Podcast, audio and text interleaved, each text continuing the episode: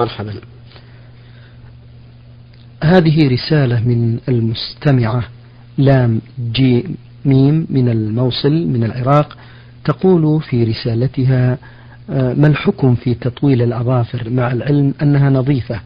وهل قصها سنة أم فرض؟ أفيدونا بذلك. الحمد لله رب العالمين وأصلي وأسلم على نبينا محمد خاتم النبيين وعلى آله وأصحابه أجمعين. تقليم الأظافر أو قصها من سنن الفطرة التي فطر الله الخلق على استحسانها قدرا وسنها لهم شرعا. وقد وقت النبي صلى الله عليه وسلم فيها وفي قص الشارب وحلق العانة ونتف, ونتف الآباط ألا تترك فوق أربعين يوما. وعلى هذا فلا تترك الأظافر فوق أربعين يوما لا تقص. سواء كانت نظيفة أم وسخة. لأن خير الهدي هدي محمد صلى الله عليه وسلم صلى الله عليه وسلم. وعدم قصها مخالف للفطرة التي فطر الناس عليه التي فطر الله الناس عليها.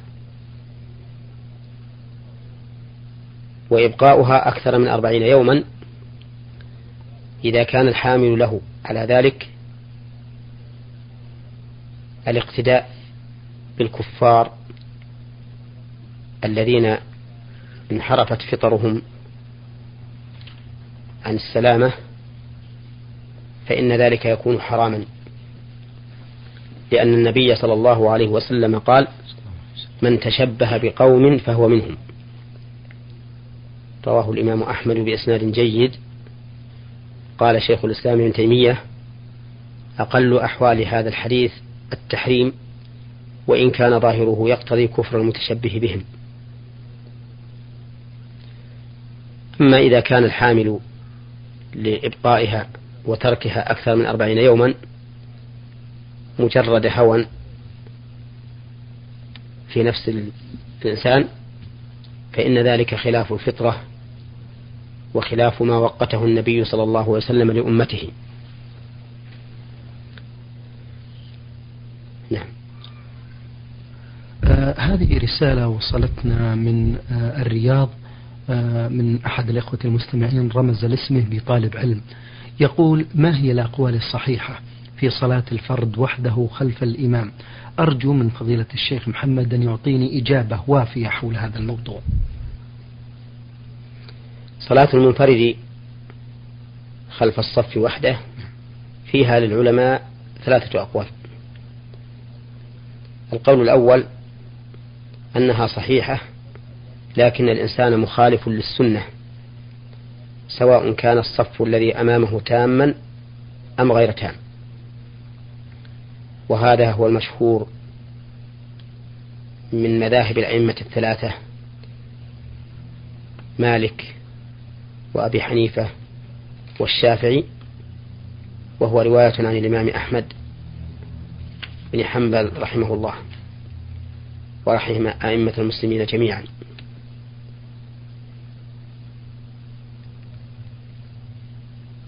واستدلوا لذلك بأن أو حملوا قول النبي صلى الله عليه وسلم لا صلاة لمنفرد خلف الصف على نفي الكمال لا نفي الصحة.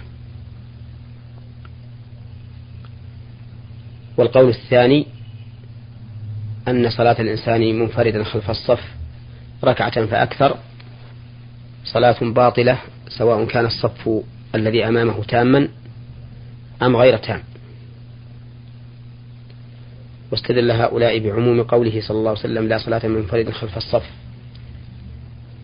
وبأن النبي صلى الله عليه وسلم رأى رجلا يصلي خلف الصف فأمره أن يعيد الصلاة. والقول الثالث الوسط وهو أنه إذا كان الصف تاما فإن الصلاة خلفه منفردا جائزة وصحيحة. وهو اختيار شيخ الإسلام ابن تيمية رحمه الله وهو الصواب. فإذا أتيت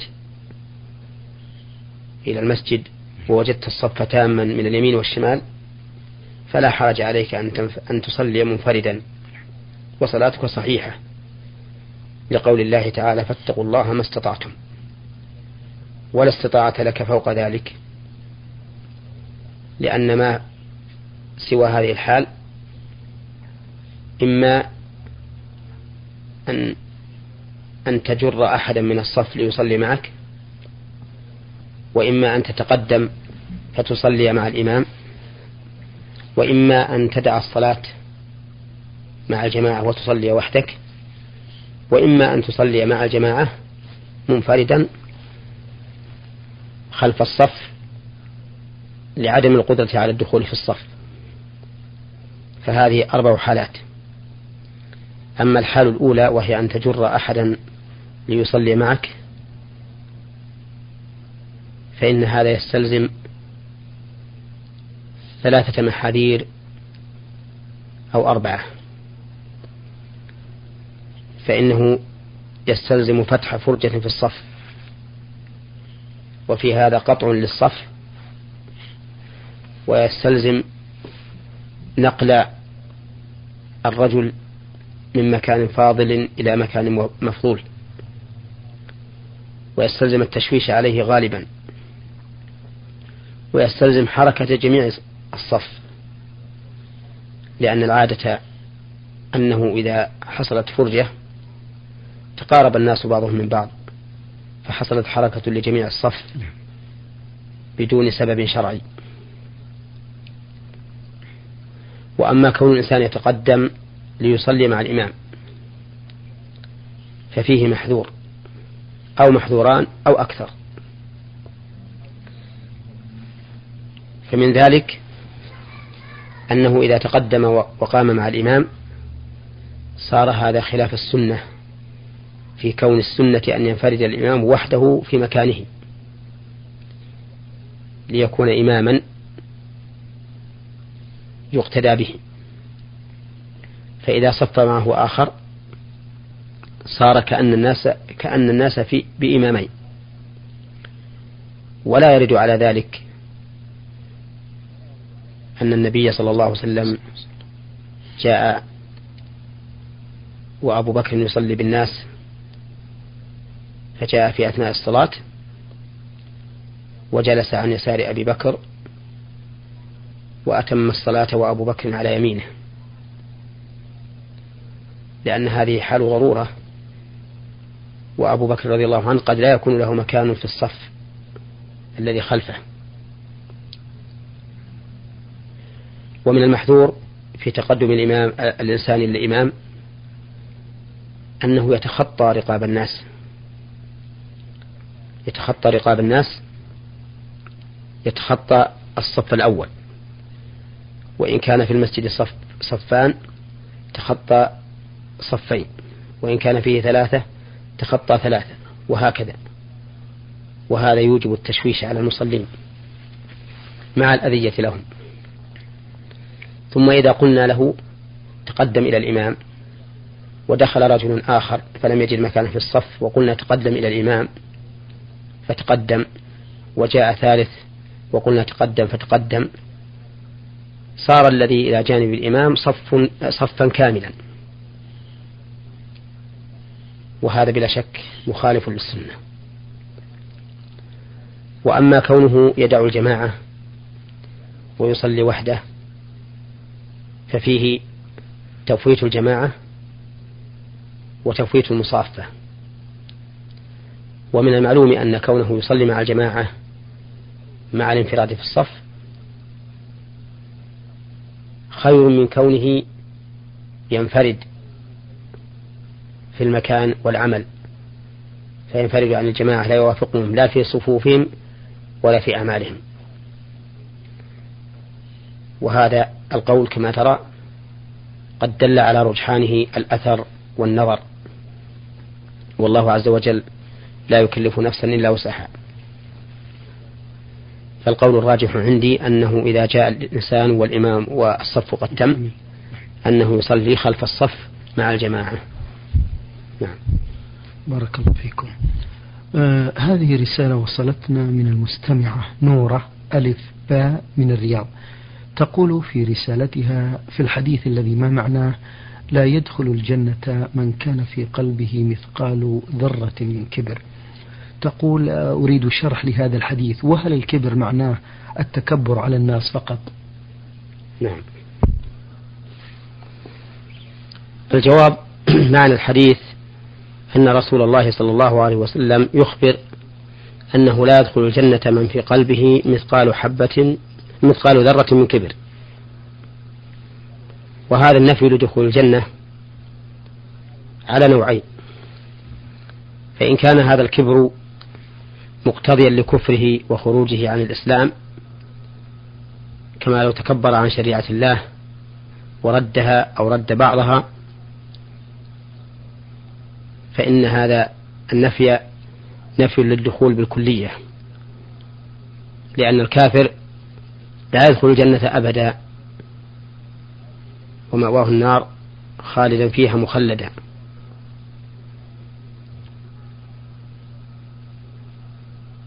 أما إذا كان الكبر تكبرا على الخلق وعدم خضوع لما يجب عليه نحوهم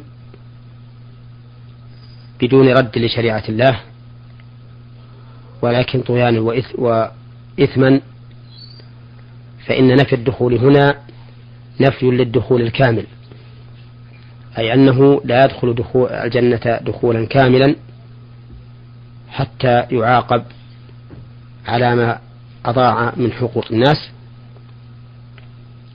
ويحاسب عليه لأن حقوق الناس لا بد أن تستوفى كاملة. وبهذا يتبين الجواب عن الفقرة التالية في سؤالها وهو أن الكبر ليس هو احتقار الناس فقط بل الكبر كما فسره النبي عليه الصلاة والسلام بطر الحق أي رده وعدم الاكتراث به وغمط الناس أي احتقارهم وازدراؤهم. بارك الله فيكم. هذه رسالة وصلتنا من المستمعة سين عين ألف جمهورية مصر العربية ومقيمة في العراق. تقول في رسالتها زوجي رمى علي يمين الطلاق وقال أنت محرمة علي آه، كأمي وأختي وحصل نصيب ورجعنا للبعض مرة ثانية وكنت حامل في الشهر السابع. وأهلي حكموا عليه أن يطعم ثلاثين مسكينا قبل حالة الوضع وأنا الآن وضعت ولي شهرين وزوجي ظروفه صعبة وفي نيته أن يطعم ثلاثين مسكينا ولم يطعم حتى الآن. وأنا مسلمة ومتدينة وأخاف الله جدا وخائفة أن أكون عايشة مع زوجي في الحرام. أرجو أن تفيدوني بذلك مشكورين. هذا اللفظ أو هذا الكلام الذي أطلقه. الجواب الجواب هذا اللفظ الذي أطلقه زوجك عليك ليس هو طلاقا ولكنه ظهار لأنه قال أنت محرمة علي كأمي وأختي.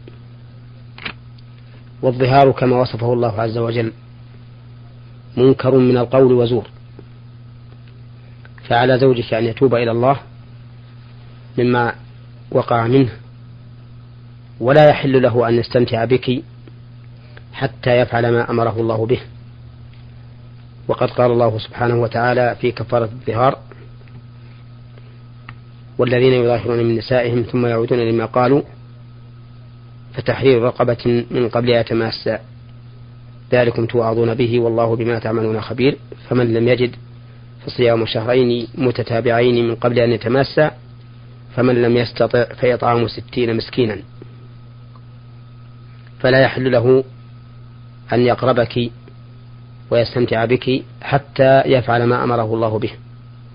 ولا يحل لك أنت أن تمكنيه من ذلك حتى يفعل ما أمره الله به. وقول أهله له إن عليه أن يطعم ثلاثين, مسكين ثلاثين مسكينا خطأ. وليس بصواب.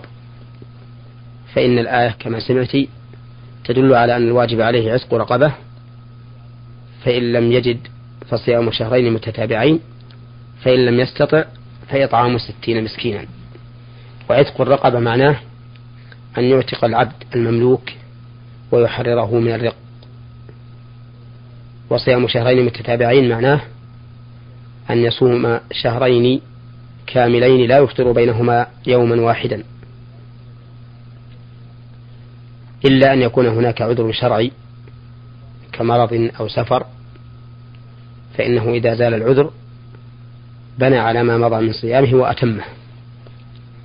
وأما إطعام الستين مسكينا فله صورتان أو فله كيفيتان فإما أن يصنع طعاما يدعو إليه هؤلاء المساكين حتى يأكلوا وإما أن يوزع عليهم رزا أو نحوه مما يطعمه الناس لكل واحد مد من البر ونحوه ونصف ساع من غيره. نعم. آه هذه رسالة وصلتنا من المستمع طارق آه عباس القيسي العراق بغداد. آه ضمن رسالته مجموعة من الأسئلة يبدأها بهذا السؤال. يقول إني مصاب بمرض الصرع ولم أتمكن من صوم شهر رمضان المبارك وذلك لاستمراري على العلاج ثلاث أوقات يوميا. وقد جربت صيام يومين ولم أتمكن علما أنني, أنني متقاعد وتقاعدي يصل إلى 83 دينار شهري وصاحب زوجة وليس لي أي وارد غير تقاعدي. فما حكم الشرع في نظركم؟ في حالتي إذا لم أتمكن من إطعام ثلاثين مسكينا خلال شهر رمضان أفيدوني بارك الله فيكم. وما هو المبلغ الذي أدفعه؟ الجواب إذا كان هذا المرض الذي ألم بك يرجى زواله في يوم من الأيام فإن الواجب عليك أن تنتظر حتى يزول هذا المرض ثم تصوم. لقول الله تعالى ومن كان مريضا أو على سفر فعدة من أيام أخر. أما إذا كان هذا هذا المرض مستمرا لا يرجى زواله فإن الواجب عليك أن تطعم عن كل يوم مسكينا. ويجوز أن تصنع طعاما غداء أو عشاء وتدعو إليه مساكين بعدد أيام الشهر وتبرأ ذمتك بذلك. ولا أظن أحدا يعجز عن هذا إن شاء الله تعالى. ولا حرج عليك إذا كنت لا تستطيع أن تطعم هؤلاء المساكين في شهر واحد لا حرج عليك أن تطعم بعضهم في شهر وبعضهم في شهر وبعضهم في شهر حسب ما تقدر عليه. نعم. بارك الله فيكم. آه، في آه، سؤاله الثاني يقول إنني محافظ على الصلوات الخمس يوميا منذ حوالي أكثر من سنتين عندما أحلت على التقاعد. ولكن عندما يؤثر المرض علي لم أتمكن من صلاة الفجر آه، إلا في الساعة العاشرة صباحا. أفيدوني بارك الله فيكم في هذا علما أنني لم أستطع من شدة المرض أو الصرع. الواجب عليك أن تصلي الصلاة في وقتها على أي حال كنت حتى لو كنت مضطجعا أو قاعدا وحتى لو كنت لا تستطيع أن تؤدي الركوع والسجود إلا بالإيماء برأسك فعليك أن تصلي على حسب حالك. أما إذا كنت لا تستطيع إطلاقا كما لو كنت في غيبوبة فإنه إذا كانت هذه الغيبوبة قد لزمتك من قبل طلوع الفجر حتى طلعت الشمس فإنه ليس عليك ليس عليك قضاء ليس عليك قضاء لأن هذا من زوال العقل ومن شروط وجوب الصلاة أن يكون الإنسان عاقلا. نعم. آه، في سؤاله الثالث يقول إنني أصلي في بيتي وذلك للأسباب التالية. أني مصاب بشدة الخجل. مع أنني كثير النوافل وكثير الدعاء والتسبيح. وأيضا هل صلاة البيت لا تقبل؟ أفيدونا. بارك الله فيكم. الواجب عليك أن تصلي في المسجد مع الجماعة والخجل الذي يؤدي إلى ترك الواجب الشرعي خجل يعتبر جبنا. ولا يجوز للإنسان أن يترك الواجب من أجل هذا الخجل وعليه أن يرغم نفسه على أن يصلي مع الجماعة وهو إذا خجل يوما لم يخجل اليوم الثاني. أما إذا كنت لا تستطيع الخروج إلى المسجد إطلاقا وصليت في بيتك فإنه لا إثم عليك. لأن هذا من العذر وقد قال الله عز وجل فاتقوا الله ما استطعتم. وقال النبي صلى الله عليه وسلم إذا أمرتكم بأمر فأتوا منه ما استطعتم. نعم. آه، في رسالته الأخيرة يقول ما حكم الشرع في نظركم في رجل أقعده المرض من أداء فريضة الحج وليس له أولاد وأيضا حالته المادية صعبة جدا؟ ما حكم هذا؟ بارك الله فيكم. الحج لا يجب إلا على من استطاع إليه سبيلا كما قال الله سبحانه وتعالى ولله على الناس حج البيت من استطاع إليه سبيلا. فإذا كنت لا تستطيع السبيل إلى الحج لقلة المال فإنه لا لا حج عليك. ولو مت في هذه الحال فإنه لا يثم عليك لأن الواجب يسقط بالعجز. نعم. هذه رسالة من المستمع ألف باء عين مصري يقول في رسالته لقد ارتكبت ذنبا ثم توجهت بالتوبة إلى الله عن هذا الذنب فقضيت عنه كفارة. ثم ارتكبت الذنب مرة أخرى وقضيت الكفارة عن هذا الذنب مرة أخرى وحتى الآن وأنا تائب عن هذا الذنب. ما حكم الشرع في نظركم في عملي هذا؟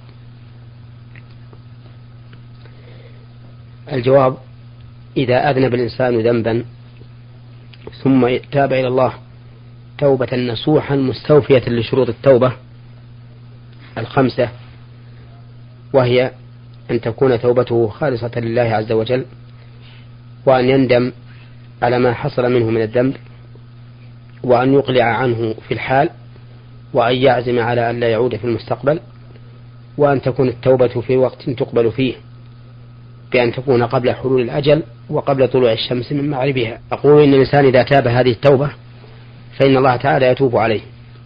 ثم إن عاد إلى الذنب مرة أخرى وتاب فإن الله تعالى يتوب عليه. وهكذا كلما تاب تاب الله عليه. وما دام الحال كما ذكر السائل عن نفسه ما دامت حاله الآن على الاستقامة والتوبة فإنه يرجى له الخير في المستقبل. ونسأل الله تعالى أن يمن علينا وعليه بالتوبة النصوح. آه هذه رسالة وصلتنا من المستمع عبد الفتاح عبود مصري الجنسية ويعمل في العراق. يقول في رسالته أنا شاب أعمل في مكان فيه رشوة. ومرتبي لا يكفي سوى عشرة أيام من الشهر. فهل, فهل آخذ قيمة معقولة من الرشوة لسد حاجات الأسرة أم لا؟ وما حكم الشرع في نظركم في هذه المسألة؟ الجواب أخذ الرشوة من السحت وأكل المال بالباطل. وقد ورد عن النبي صلى الله عليه وسلم فيها من الوعيد ما يستلزم لكل مؤمن أن يبتعد عنها. ولا يحل لك أن تأخذ الرشوة من أجل حاجتك بل الواجب عليك أن تقوم بالوظيفة على التمام وتعطي كل ذي حق حقه. وقد جعل لك مقابل عملك هذا ذلك الراتب الذي تقوم الذي تعطاه. وإذا كان لا يكفيك الراتب إلا لمدة عشرة أيام من الشهر فلعلك تجد لك مهنة أخرى تستغني بها كل وقتك.